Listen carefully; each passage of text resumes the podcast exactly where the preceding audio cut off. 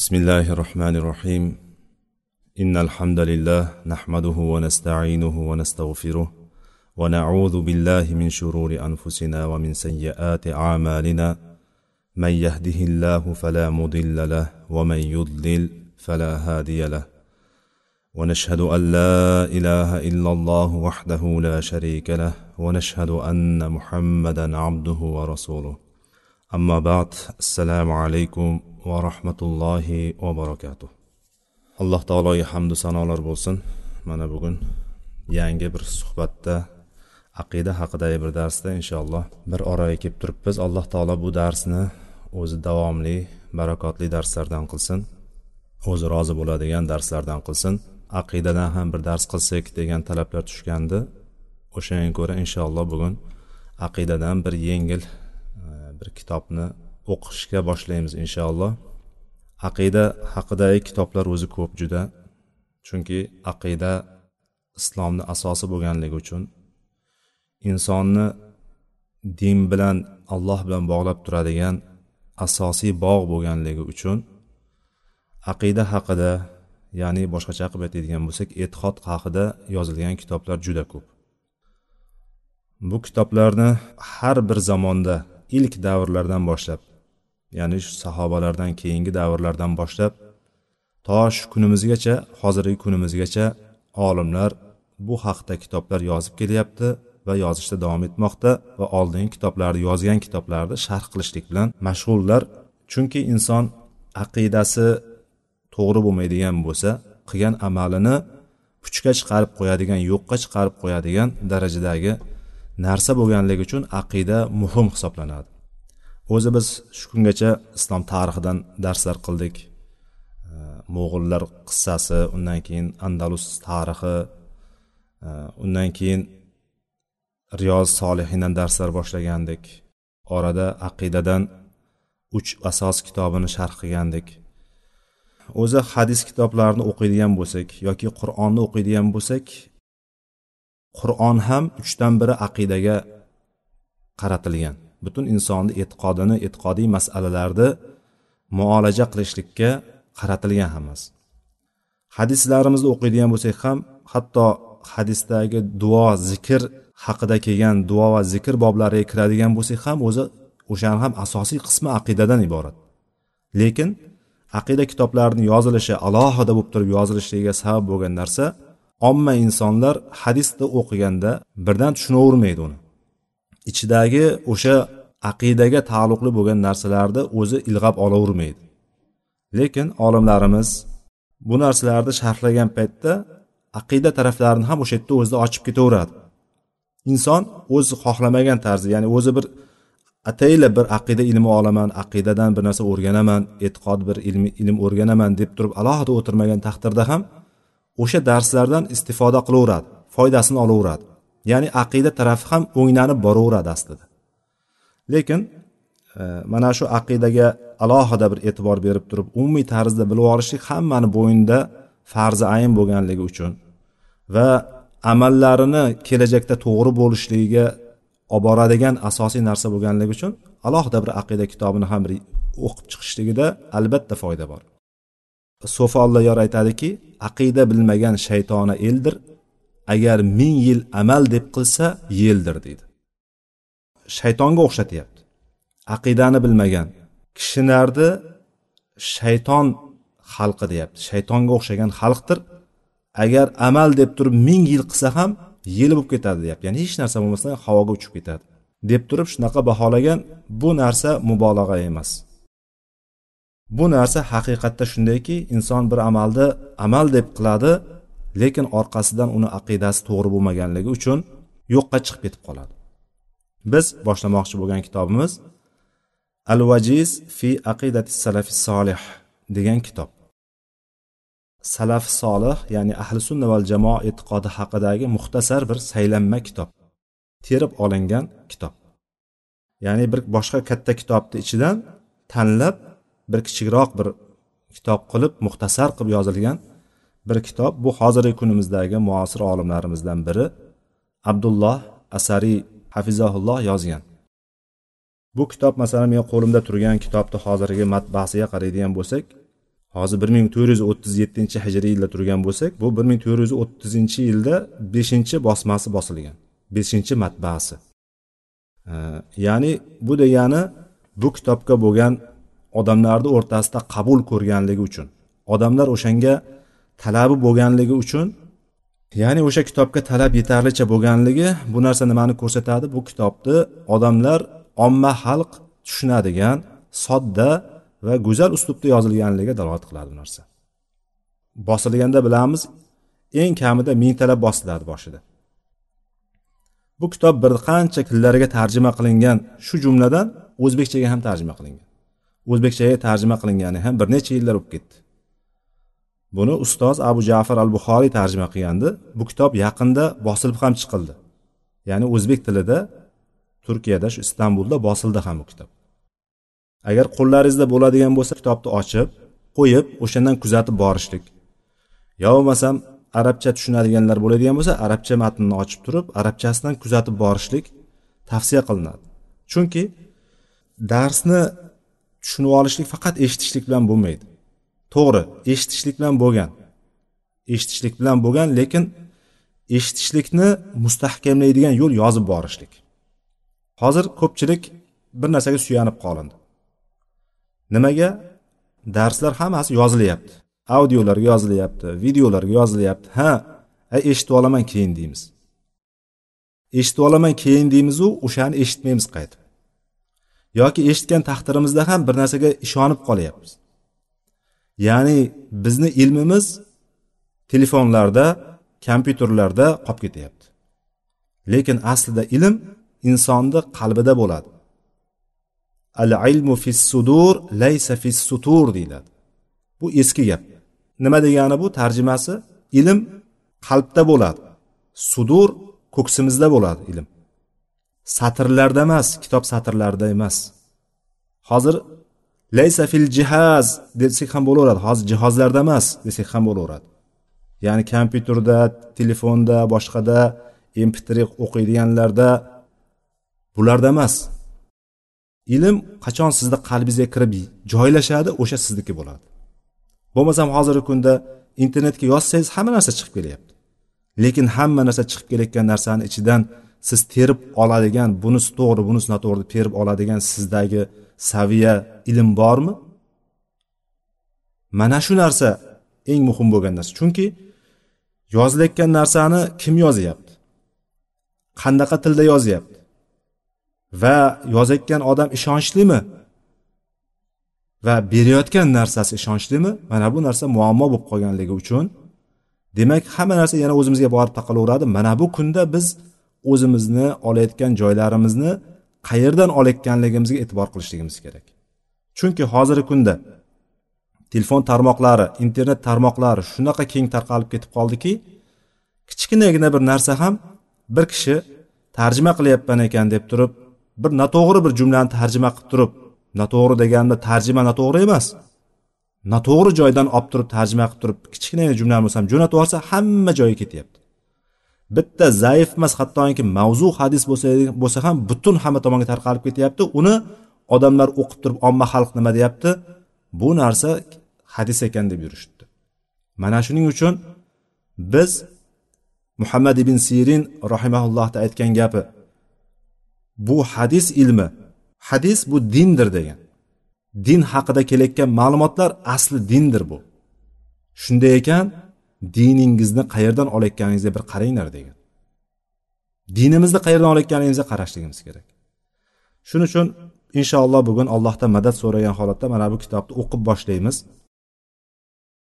Kitobi borlar kitobdan o'qisin dars boshlanishidan oldin darsga kelishdan oldin o'shani bir o'qib chiqilinadigan bo'lsa ichida yodlab olinadigan hadislar yodlab olinadigan oyatlar bo'ladigan bo'lsa o'ziga kerak deb biladigan bo'lsa o'sha narsani shuni da'vat maydonida yursam yoki bu joyda hujjat qilib keltiraman deydigan bo'lsam deb turib yodlab oladigan qoidami bir ta'rifmi hadismi oyatmi yodlab olsa o'ziga foyda bo'ladi.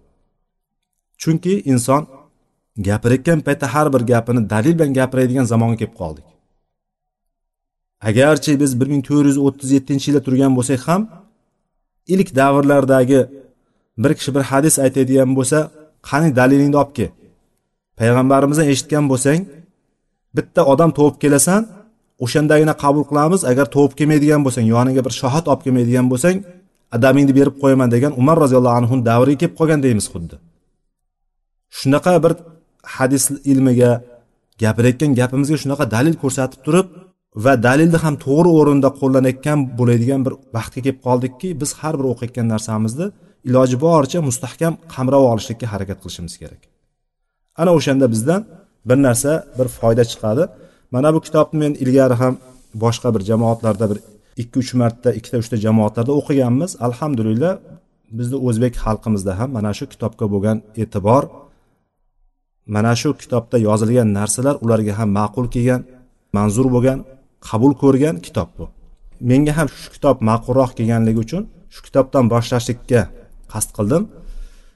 Bu kitob shunaqa bir yozilganki boshida masalan asosiy ta'riflar berilgan. Boshida kitobni boshida e'tiqod degani nima degani salaf so'zi nima degani jamoat degani nima degani. Xullas mana shu biz bilganimiz ahli sunna val jamoat e'tiqodi deganimizda yoki salaf solih e'tiqodi deganimizda har bir so'zni alohida alohida ta'rifini berib chiqqan. Sababi biz bilishimiz kerak e'tiqod degani nima tushunamiz? Yoki salafi solih kimlar o'zi? Yoki ahli sunna val jamoa kimlar o'zi? Degan so'zlarga biz e'tibor berishligimiz kerak. Birinchi darsimiz hozir kirish qismi bo'lganligi uchun ba'zilarga zerikarli tuyulishi mumkin. Birinchi qism zerikarli va undan keyingi qismimiz ham zerikarli tuyulishi mumkin chunki ta'riflardan boshlaymiz.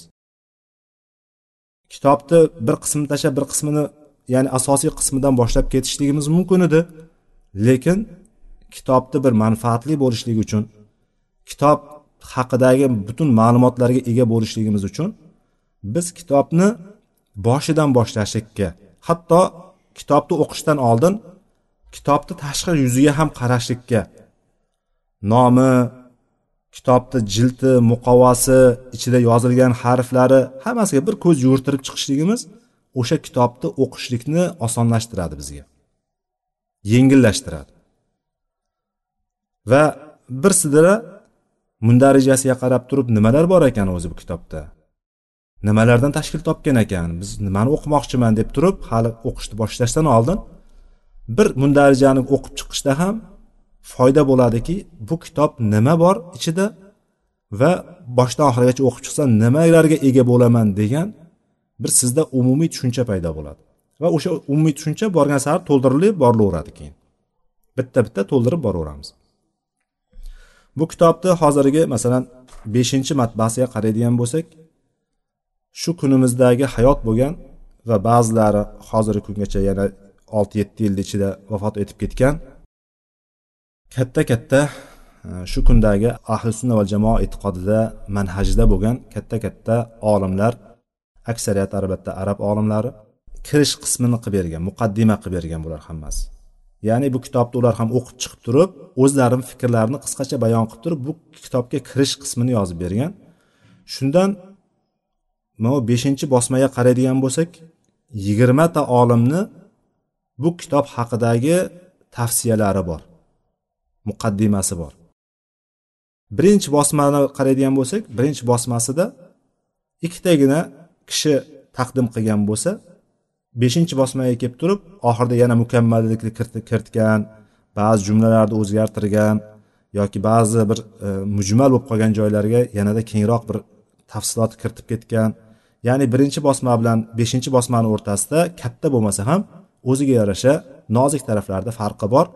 Biz beshinchi bosmada o'qiyapmizu lekin har bir shayxni har bir olimni taqdimini o'qimaymiz. Shu birinchi bosmada qanday bo'lgan bo'lsa shu ikkitagina olimni taqdimini qisqacha o'qiymizda keyin muqaddima undan keyin zaruriy ta'riflarga kiramiz va kitobimizni muallif asoslarga bo'lib chiqqan. Asoslarga bo'lib chiqqan. Ya'ni asos deganimiz asl fundament. O'sha fundamentni ahli sunna va jamoani fundamenti nimalardan iborat bo'lishligi kerak? O'shanday qilib turib o'n beshta asosga bo'lgan. O'n beshta asos ya'ni ketma ketlikda birinchisi bo'lmasdan turib ikkinchisi bo'lmaydi ikkinchi bo'lmasdan turib uchinchi bo'lmaydi. Ya'ni shunaqa bir biriga bog'liq bo'lgan asoslar. Ya'ni uyni quraydigan bo'lsak uyni tasavvur qilaylik mana uyni olaydigan bo'lsak birinchi fundamenti bor. Fundament qismi bo'lmasdan turib ustidagi g'isht quriladigan qism bo'lmaydi. G'isht qurilgandan keyin tepasiga tom yopishimiz kerak. Tom yopilmasdan turib fundament bo'lmasa tomni ham yerga yerga yopib qo'ymaymiz. Ya'ni har bittasini o'zini o'rni bor. Derazaga joy qoldirib ketiladi eshikka joy qoldirib ketiladi. Deraza eshikka joy qoldirib ketib turib derazani qo'ymasa eshikni qo'ymasa odam kirib yashay olmaydi u yerda. Yoki kirgandan keyin ham tagiga pol qilinmaydigan bo'lsa beton quyib bo'lsa ham pol qilib qo'ymaydigan bo'lsa unisi ham bo'lmaydi. Ya'ni bu degani uyni tasavvur qilib olaveraylik uyni aqida deb oladigan bo'lsak insonni e'tiqodi deb oladigan bo'lsak mana shuni o'n beshta asosga bo'lib chiqasizda hozir uyda o'n beshta narsasi bor deb tasavvur qiling. Undan fundamenti tepasida qurilgan qismi patologi tomi eshigi derazasi poli deb turib umumiy maket hali. Bo'yoq bo'yoqlar gapirilmayapti. Bo'yoqlar bezashliklar oyna qo'yishliklar boshqalar ular keyingi masala eng u furuatlarga kirib ketib qoladi. Ikkinchi darajali narsaga kirib ketib qoladi. Birinchi narsa birinchi darajali narsa nima? Birinchi darajali narsa asos. Asosni qilib olaylik. Ana undan keyin qolgani sekin sekin to'lib boraveradi. Mana shu asos bir biriga hammasi bir biriga bog'liq. Shuning uchun aqida ilmi shunaqa bir biriga bog'liqki biz mana bu bog'liqliklarni tushunib olishlik uchun kitobni boshidan oxirigacha o'qib chiqishligimiz kerak. O'qiganimizda hadis tagiga o'xshab hadis kitobini o'qib kelyapmiz shu kungacha riyoz solihinda biroz kengroq sharhlarga kirib ketib qolyapmiz ba'zan. Bunda unaqa yo'lga kirmaymiz. Buni boshqacharoq uslub qo'llaymiz. Bunda qisqacha sharh bilan o'tamiz. Sharh kerak o'ringa ikki og'iz gap bilan chegaralanamiz tushunmagan joy bo'ladigan bo'lsa savollar bilan yo bo'lmasam o'sha kitobni olib hammamizda qo'limizda kitob bo'lishligi kerak allohu alam. Bo'lmaganlar kitobni olib oladi. Kitobni olib turib o'qiymiz yodlaymiz va fikrlaymiz. Ilmni hosil qilishlikni bitta yo'li kitobni olamiz. Kitobni olgandan keyin tushunar tushunmas tushunsak tushunmasak yodlaymiz uni. Yodlaganimizdan keyin yodlagan narsamizni fikrlaymiz. Fikrlaganimizda har bir yodlagan narsamizni fikrlaydigan bo'lsak u narsa o'z o'zidan ilmga aylanaveradi. Shuning uchun ba'zi bir arab davlatlarida ba'zi bir boshqa boshqa joylarda yoshlikdan bola yosh paytida to balovatga yetadigan davrigacha balovatgacha yetadigan hammasi hatto o'n yoshgacha butun dinimizni asoslari bo'lgan matnlarni hammasi qur'on birinchi o'rinda turgan holatda hammasini yodlatib tashlanadi. Hammasi yodlatiladi. Tolib ilmlar bilishligi kerak bo'lgan matnlarni hammasini ko'r ko'rona yodlaydi bola. Bola chunki tushunmaydi yodlab oladi. Ana undan keyin aqli boshiga kirgandan keyin uni sekin sekin sharhlariga o'tiladi. Sharhlariga o'tilganda o'zida yod bo'lgan narsa turibdimi? Boyagi narsa oldin mixni devorga qoqqaningizda yarimgacha kirgizib qo'ygan bo'lsangiz endi sharhlar o'tirgandan keyin butunlay qoqib qo'yasiz boyagi mixni joyida qotadi qoladi u. Uni chiqarib ham bo'lmaydi o'sha yerga qotirib kirgizib qo'yiladi. Shuning uchun bu yerda ham o'qiymiz tushunmagan narsani o'zimiz o'qiymiz qayta qayta va fikrlaymiz. O'zimni hayotimda ham yoshligimda ham mana shu uslubni qo'llaganman. Litseyda o'qib yurgan paytimiz ham maktabda o'qib yurgan paytimiz ham birinchi yodlab olardim keyin fikrlardim. Ancha yaxshi tushunardim o'shanda. Ya'ni yodlagan narsa o'zingizda qoladi. Fikr o'shandan kelib chiqaveradi. Bir narsani aytmoqchi bo'ladigan bo'lsangiz yoddan aytib berasiz o'sha narsani. Mana shuning uchun imkon qadar harakat qilaylik mana shu kitobni mustahkam olishlikka. Birinchi taqdimni qisqacha o'qiymiz. Fadilat shayx saud ibn ibrohim ash shuraym hafizahullohni makkai mukarramadagi katta mahkamani qozisi bo'lgan vaqtida mana shu kishi boshida taqdim qilgan. Alhamdulillah vahda vassalotu vassalamu ala man la nabiyya ba'da deb turib boshladi. Ya'ni alloh taologa hamd bo'lsin. Payg'ambarlarni so'nggisiga salovat va salomlar bo'lsin deb turib bu kishini aytgan gaplaridan men deyapti alloh yo'lidagi birodarim abdulloh ibn abdul hamid oli ismoilni najot topuvchi firqa madadlangan toifa ahli sunna va jamoa e'tiqodi haqida yozgan al vajiz fi aqidati salafis solih. Ya'ni biz o'qimoqchi bo'lgan bugungi kitobimiz. Ya'ni salaf solih e'tiqodi haqida muxtasar saylanma degan kitobni o'qib chiqdim. Bu bebaho va foydali kitobdir.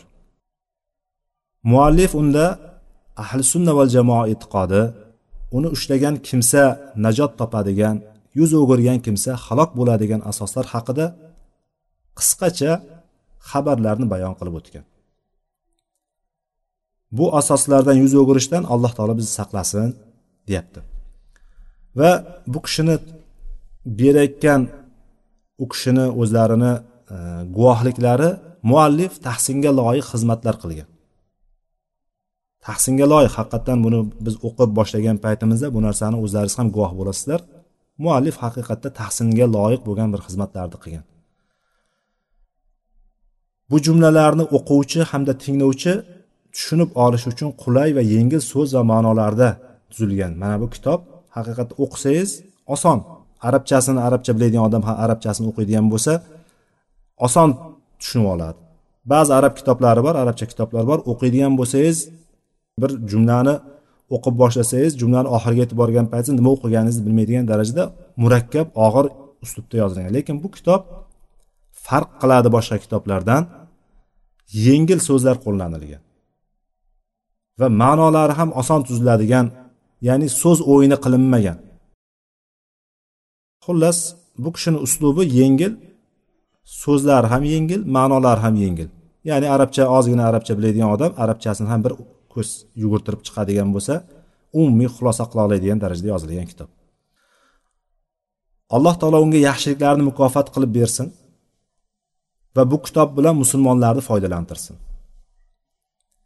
Alloh taolo bizga va unga foydali ilm va solih amallar nasib qilsin. Hamda barcha musulmonlarni rasululloh sollallohu alayhi vasallam uning sahobalari va eng afzal asrlarda yashagan salaflarimizni yo'lida yurishga muvaffaq qilsin. Alloh duolarni eshituvchi va ijobat qiluvchi zotdir deb turib saud ibn ibrohim ibn muhammad ash shuraym bizga mana bu taqdimni qildi. Ikkinchi taqdim fadilati shayx muhammad ibn jamil zaynu muqaddimasi. Bu kishi darul hadisil xayriyada makkadagi darul hadis hadisul xayriyada katta mudarrislardan bo'lgan. Mana bu kishi ham taqdim qilgan. Alloh taologa hamdu sanolar aytib hojat xutbasida o'qiladigan duoni aytgandan keyin va bad deb turib al vajiz fi aqidati salafi solih kitobini o'qib chiqdim va uni samarali kitob ekanini ko'rdim deyapti muallif bu kitobda maqtovga sazovor bo'lgan bebaho ma'lumotlarni to'plagan. U salafi solih e'tiqodini musulmon kishi osonlik bilan o'qib ko'plab ma'lumotlarga ega bo'ladigan darajada mufassal bayon qilgan. Muxtasar deyapmizu lekin bu kishini ta'rifini qaranglar bu kishini berayotgan guvohligini qaranglar. Osonlik bilan tushunadi har bir musulmon kishi osongina o'qib ko'p ma'lumotga ega bo'ladigan darajada mufassal deganimiz keng yozilgan. Ya'ni haqiqatda ba'zi o'rinlarga qaraydigan bo'lsangiz boshqa savol qolmaydi o'sha masalada. O'sha darajada yozilgan lekin bu aslida muxtasar. Qisqartirib olingan kitob lekin ba'zi masalalarda alhamdulillah ko'p masalalarda mana shunday boshqa savolga o'rin qolmaydigan omma insonlarga yetarli darajada bo'lgan ma'lumotni berib ketgan. Bu kishi aytyaptiki men har bir musulmonga alal xusus mana shu yerda xossatan ilm olayotgan talabalarga bu kitobni o'qib undan foydalanishlarini tavsiya qilaman deyapti. Demak bu kitob bizga shar'iy ilm talab qilgan bir ozgina bir ma'lumot olamiz aqidadan bir ilm olamiz degan talabalarga o'qishlikni va foydalanishlikni tavsiya qilyapti. Bu shayx muhammad ibn jamil zaynu bizga demak tavsiya qilyapti. Omma musulmonlarga aytayotgan bo'lsa ularni ichidan xos ilm olayotgan talabalarga xos ravishda tavsiya qilyapti.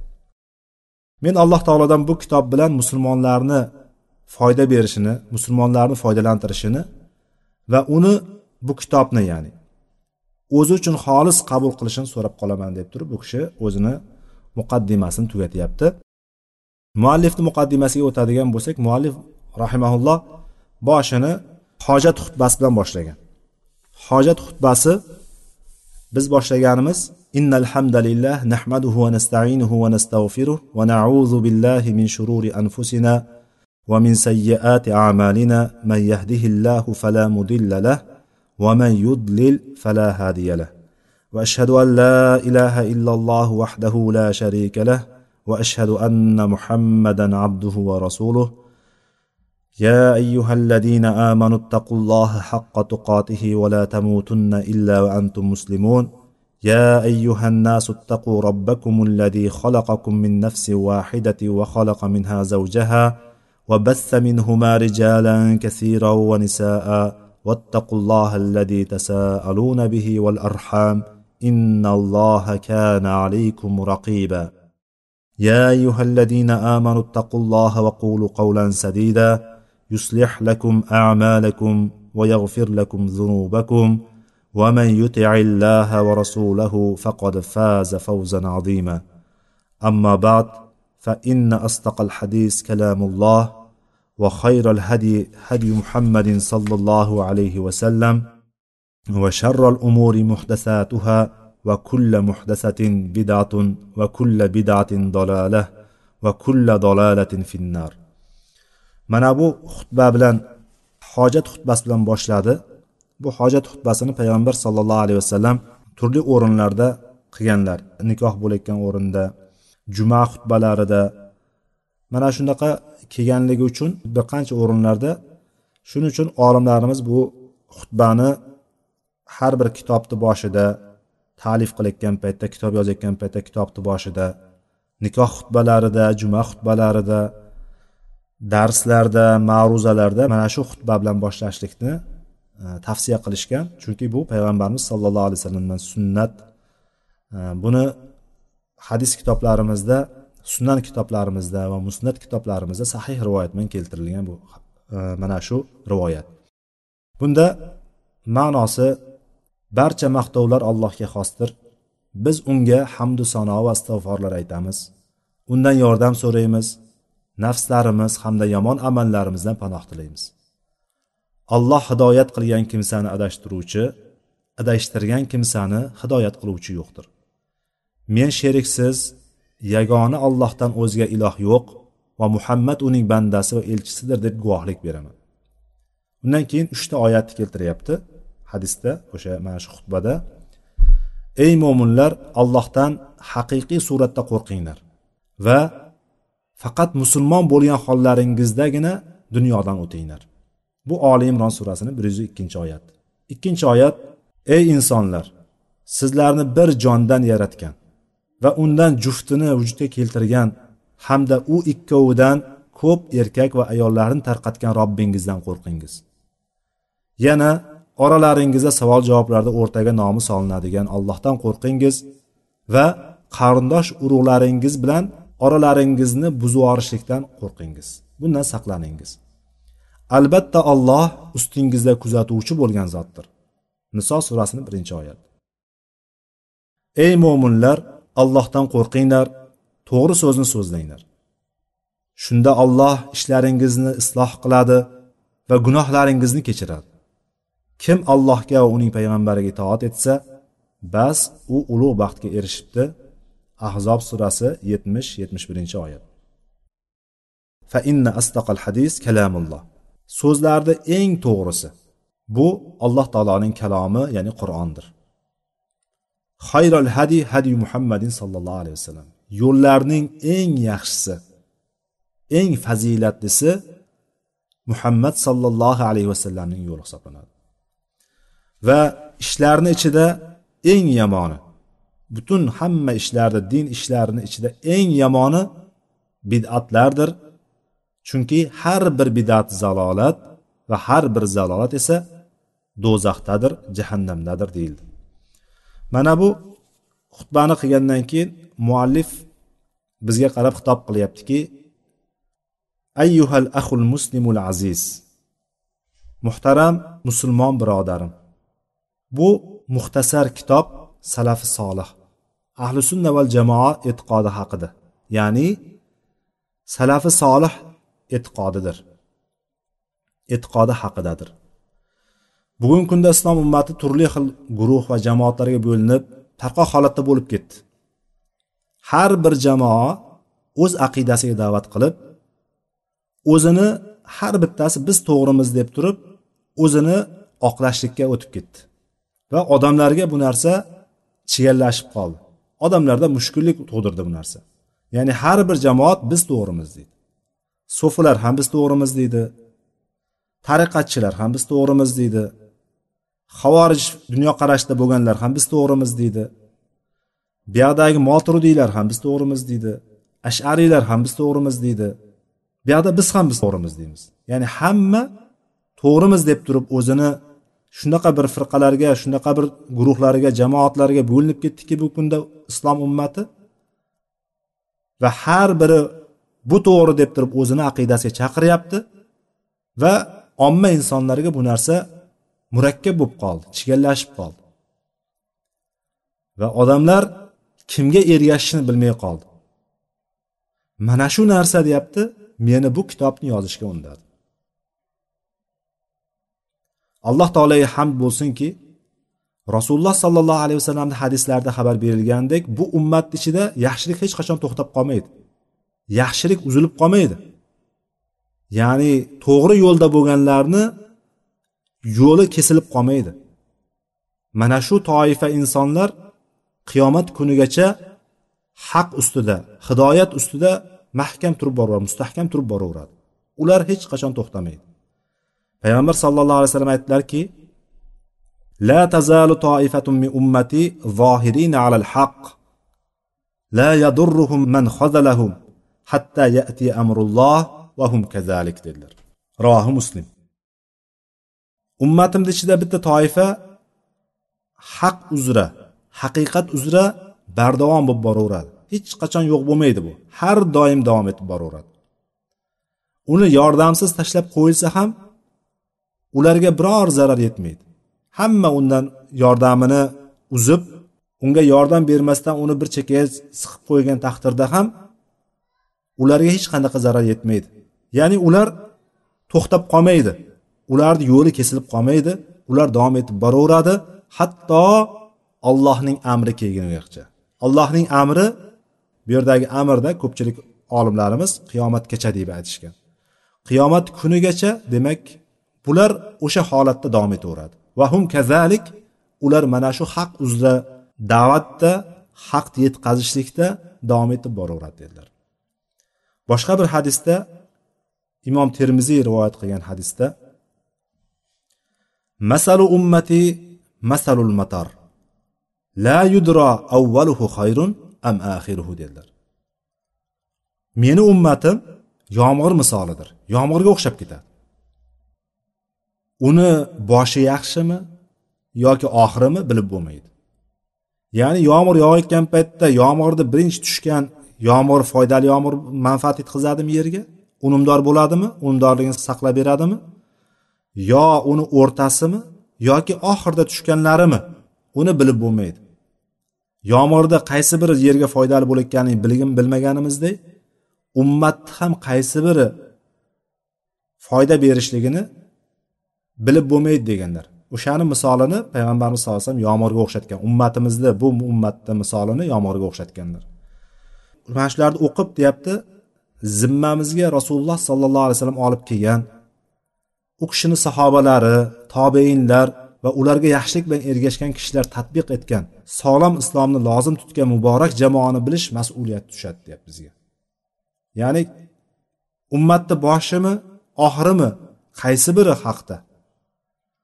Yoki qiyomatgacha davom etib borayotgan haq uzra bo'lgan toifa qaysi toifa ekanligini bilishligimiz uchun biz qayerga qaytishimiz kerak?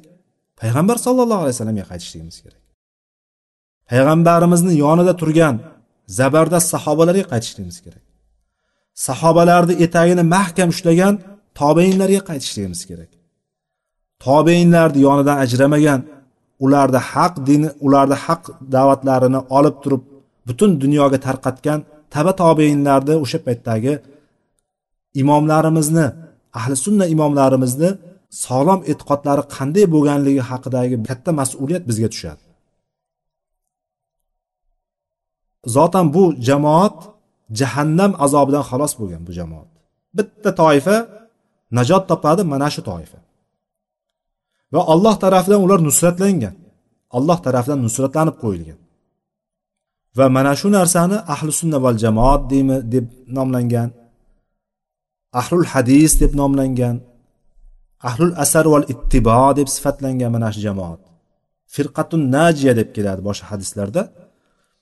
Mana shu najot topgan firqani mana shu firqa bo'ladi. Ular kimlar? Mana shu najot topgan firqa ahlul hadis degan yoki ittibo ahli degan kishilar kimlar bular? Ahli sunna val jamoat kimlar bular? Bular rasululloh sollallohu alayhi vasallam va u kishining sahobalari yurgan yo'ldan yurgan kishilar hisoblanadi. Undan boshqasi emas.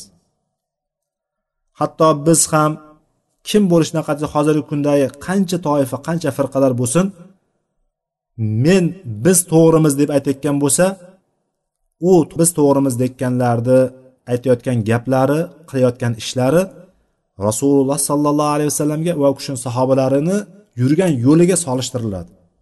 Agar o'shanga muvofiq bo'ladigan bo'lsa ha to'g'ri ekan deymiz. Yo'qsa bekor aytibsizlar deymiz. Chunki ahli sunna firqatin najiya alloh tarafidan qo'llangan ummat nusratlangan ummat ahlul hadis deb nomlangan ahlul asar val ittibo deb nomlangan bu toifa insonlar va hadisdagi qiyomat kunigacha haq uzra davom etib borib unga yordam ularni yordamsiz tashlab qo'yganda ularga zarar bera olmaydigan va allohni amri kelgunigacha mana shunday haq uzra davom etadigan toifa bo'lishligi uchun rasululloh sollallohu alayhi vasallam va u kishining sahobalari yurgan yo'ldan yurishlik kerak bo'ladi.